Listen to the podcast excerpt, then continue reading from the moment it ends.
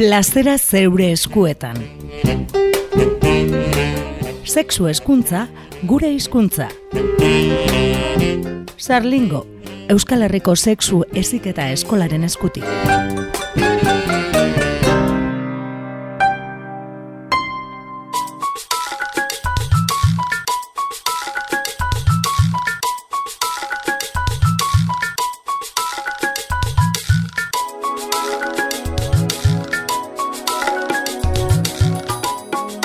Plazera zeure eskueta sexologia atala dugu bilboiria irratian gaurkoan komiki bat komendatuko dizuegu. Eta urren unguruan berbe egiteko, Mikel Oribeta mai aurrejola batu zaizkigu, haupa. Haupa, ne.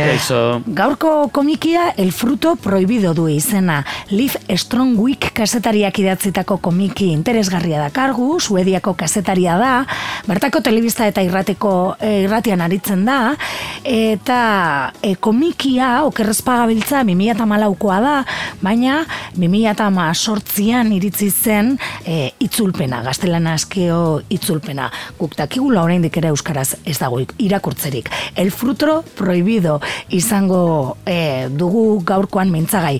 E, ensaio giza ere hartu dezakegu komiki hau izan ere marrazkiaren e, bitartez, ba, emakumearen genitalaren inguruan e, historian zehar esan diren amaika mila kontu e, kontatzen dizkegulako, aluaren historia kontatzen digu, emekumeanen aparatu genitalaren historia, baina umore askorekin dator, eta egia askorekin ere, ez, amaia? Bai, egia esan da komiki bat nik gomendatuko niokela e, pertsona guztiei, eta batez emakumei noski, eta e, ez bakarri gomendatu, oza, oparituko niokeela mundu guztiari, al izango banu. Egia esan guk ez genuen ezagutzen eta oso gustora irakurri dugu el, el fruto prohibido. Gainera, komiki izaldiak diren entzatere oso irudi politak ditu, eta oso e, modu bisualean dakarra usi hau, ez? Historian zehar e, nola izan den, aztertua, eta zelako kontuak esan diren aluaren e, kontu, e, inguruan, eh? Bai, egia da, e, sexu aparatu femeninoaren inguruko historia maskulino bat dela. Mm azkenean da e, historio androcentrista bat, hau da, nola gizonen ikuspegitik e, ikertu den, deskubritu den, eta itzein eta idatzi den e, aluaren inguruan eta ez bakarrik kanpoko genitalen inguruan bezik eta barneko e, genitalen inguruan ere bai. Claro, gizon asko zientzialariak izan dira, beste asko ez. Mhm. Eta bueno, zientzialariak izan direnak ere bai ikuspegi zientifikotik ez dute ikertu idatzi eta eta deskribatu. Baizik eta izan da gehiago Bueno, sexualitatearekin orokorrean gertatu zaiguna eta batez ere sexualitate femeninoarekin moraltasunetik ez nola ikertu duten eta moral hori ba erlijioaren ikuspuntutik eta eta testu inguru patriarkal eta ikuspegi androcentrista batetik, ez?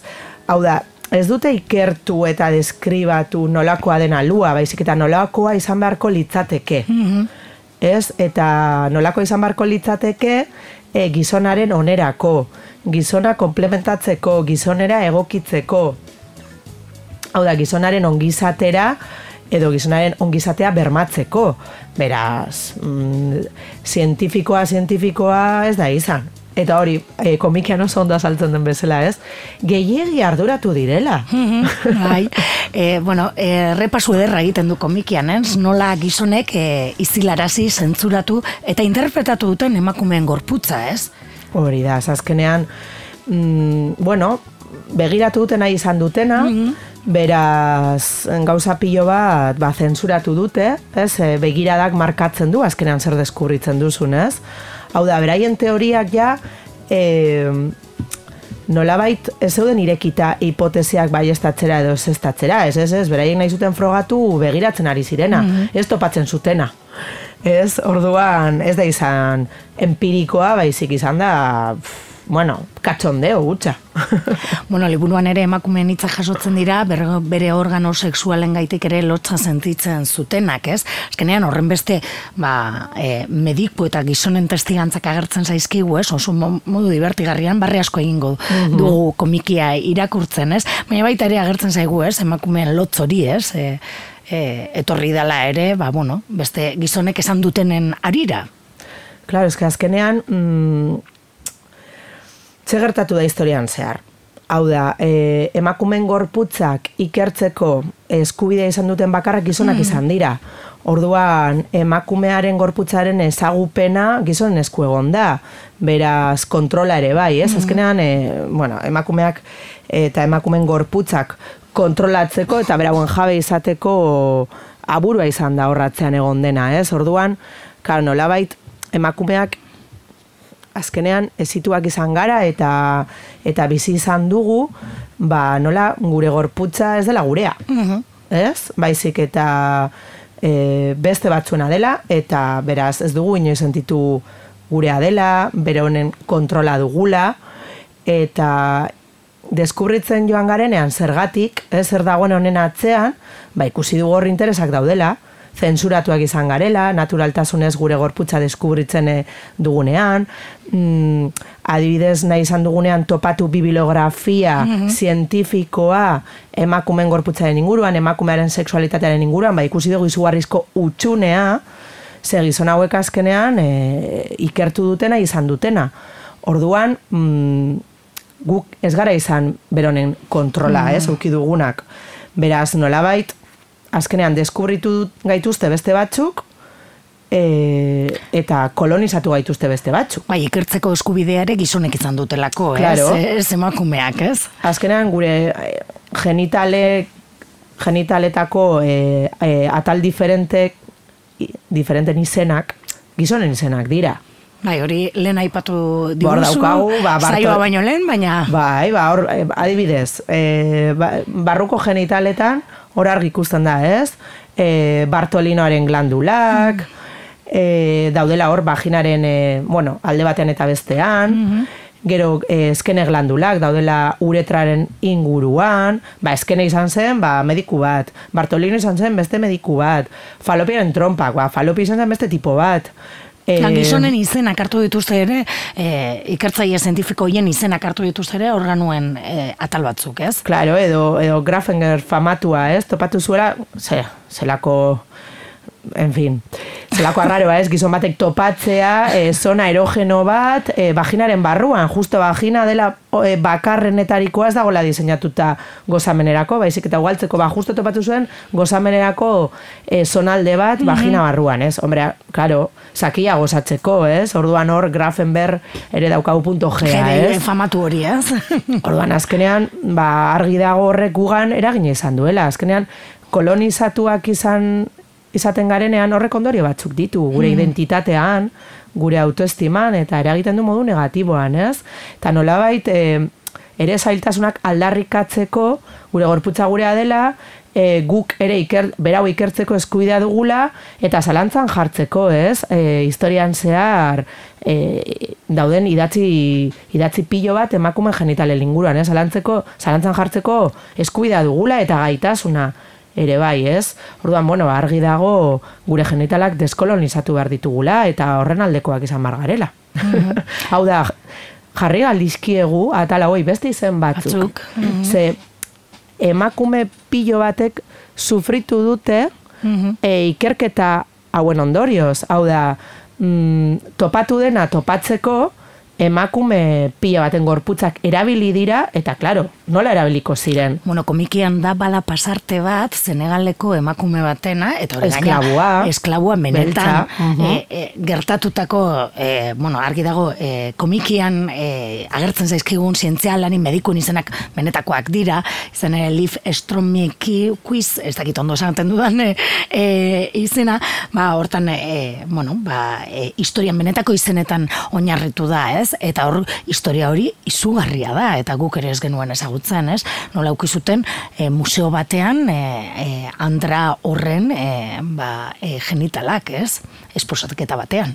Hori da, adibidez. Ba. Eramaten zutela eta ona erakusteko. Ba, adibidez, ba, nik uste omenaldi bat egin barko geniokela hmm. emakume horri eta eta bere izena jarri hmm. ezkene glandulei eta ezkeneren hitza ba, sakarrontzira bota. Ez, eta horrela, bueno, ba, beste parte guztiekin, ez? E, ondo gongo litzatekela, edo, bueno, agian bakoitza jarri aldizke bai bere, bere izen propioak.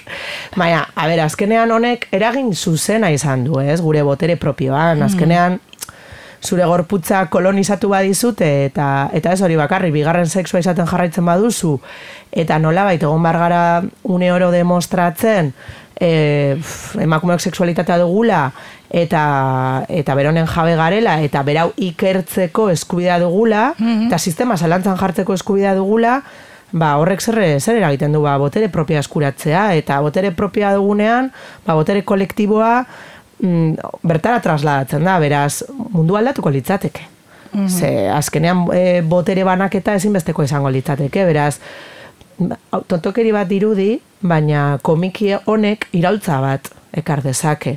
Beraz, mundu guztiari gomendatu behar dugu irakurtzea, eta norbaitek gabonetan zozer oparitu nahi badu, ez dauka beste zer hobeagorik oparitzeko. El fruto prohibido du izena, esan bezala, e, 2000 eta amazortzian iritzi zen itzulpena, gaztelaniaz dago, Liz Strong Weeks e, keginikoa, bost kapitulotan, ba esan dakoa, ez, e, aluaren e, historia kontatzen digu. Oso modu divertigarrian, eta argi usten, ba maiak gaur e, karri dituen osnaurketa hauek, ez, bukaeran asko, barre asko ingo dugu, ez, baina hala ere, aserretu egingo gara. Komikiaren ba. pasarte askotan esan ez, ez da posible Baina bai, bai, posible izan da eta gertatu eginda, ez? Eta azkenean hemen ikusten dugu, ez? Matxismoaren kulpagatik, ba, e, emakumeak eta benetako gizonak ez direnak mm. gutxiago bezala e, ikusi izan dira eta horren ondorioz ere ikusten da e, zientzian ez? E, eragina eta eta berdina gertatu da bakarrik aluarekin orokorrean. Mm eta barruko eta kanpoko genitalekin baizik eta ere gizonen genitaletako parte konkretu batzuekin ere bai, ez da? Hau Mikelek beti beti aipatzen digu, bueno, ipurriarekin gertatu dela, ez? E, komiki honetan ez agertzen, baina e, komikiak salatzen duen mm -hmm. posizionamentu hori, eragin matxista horrek, eragin esan du gizonengan, adibidez, e, praktika erotiko e, esprokreatiboak egiten direnean, adibidez, demagun, e, ipurtzuloko sarketa mm gizonen artean. Bueno, ba hori, e, zientziak identifikatzen du e, jarrera e, femenino bezala, bez? Beraz, aplikatzen zaio e, maiak e, aipatu duena. Adibidez, praktikan, ipurtzuloak, teorian, ez dauka lubrikatzeko glandularik. Mm Hala ere, e, praktika hori egiten dutenek, aipatzen duten nola lubrikatu zaien. Eta hor dago utzunea, zientzian. Ez dago ikerketarik egin, gizonezko... Eh, claro, gizo, benetako gizon batek ez duelako ez duela hori egiten. eta ez zaiolako interesatzen hori da, hori da. Mm. Claro, prokreaziorako balioz duenez eta benetako gizonak ez diren eso da, gizon femeninoak horre dira gutxiago bazartarako ikertuko dugu. Horrek mm baliduri ez daukala balio zientifikorik. Mm eta claro, horrela gero tabu izatzen dira eta jendea lotxatu egiten da. Bere gorputzeko genitaletako atal batzuetaz edo estigmatizatzen dira, edo tabu izatzen dira, mhm. eta azkenean badirudi, alua jarraitzen duela misterio bat izaten, eta gizonen ipurdia beste misterio bat. Bueno, gizonen ipurdia hori da mi, misterio alkubo. Ze, eske, behintzat aluarekin badago movimentu bat potente non e, berreskuratu nahi den aluaren ezagutza eta alua. Benetako ezagutza, ez? Eta ikerketa, ez? Baina ipurtzuloarekin, gizonen ipurtzuloa da, ez dakit, e, rebiak esan zuen bere garaian, que por mi, por mi recto no entra el pelo una gamba, arrolako oso zer, arrotasunez, esan zuen, eta hori da gizon gehien pentsakera, incluso, eh, gizon homosexuale askoren pentsakera, osea, que, claro, izango da, gizonen ipurtzula da, ez dakit, astrofizikan bezala, e, izan zena e, zulo beltza. Ezekiela. Ez que adibide, egokiara. Mikel, ezekien zer zen azira, baina... Komiki bat idatzi behar dugu, ipurtzoloari buru. Argi dago. Zulo beltza, bai. Zulo beltza. Ya está, titula bat dugu, eh? Hori da. Horain, eh, informazioa eta eta hasi egiten. Marraskilaria topau eta... Bai, zubentxe bat eskatuko du, eh? Bueno, ba, esan dakoa, gaurkoan plazera zeure eskuetan irratitartean, e, komikia ekarri dugu, e, interesgarria iruditu zaigu, el fruto prohibido, esan bezala, albuaren historian kontatze, e, kontatzen digu, emakumen aparatu genitalaren historia, umore askorekin, baina datu askorekin ere, argi usten digutenak, gizarte patriarkar batean bizi garela. Amaia Urrejola eta Mikel Oribe, mi esker. Zure, Agur. Plazera zeure eskuetan. Sexu eskuntza, gure hizkuntza. Sarlingo, Euskal Herriko sexu eziketa eskolaren eskutik.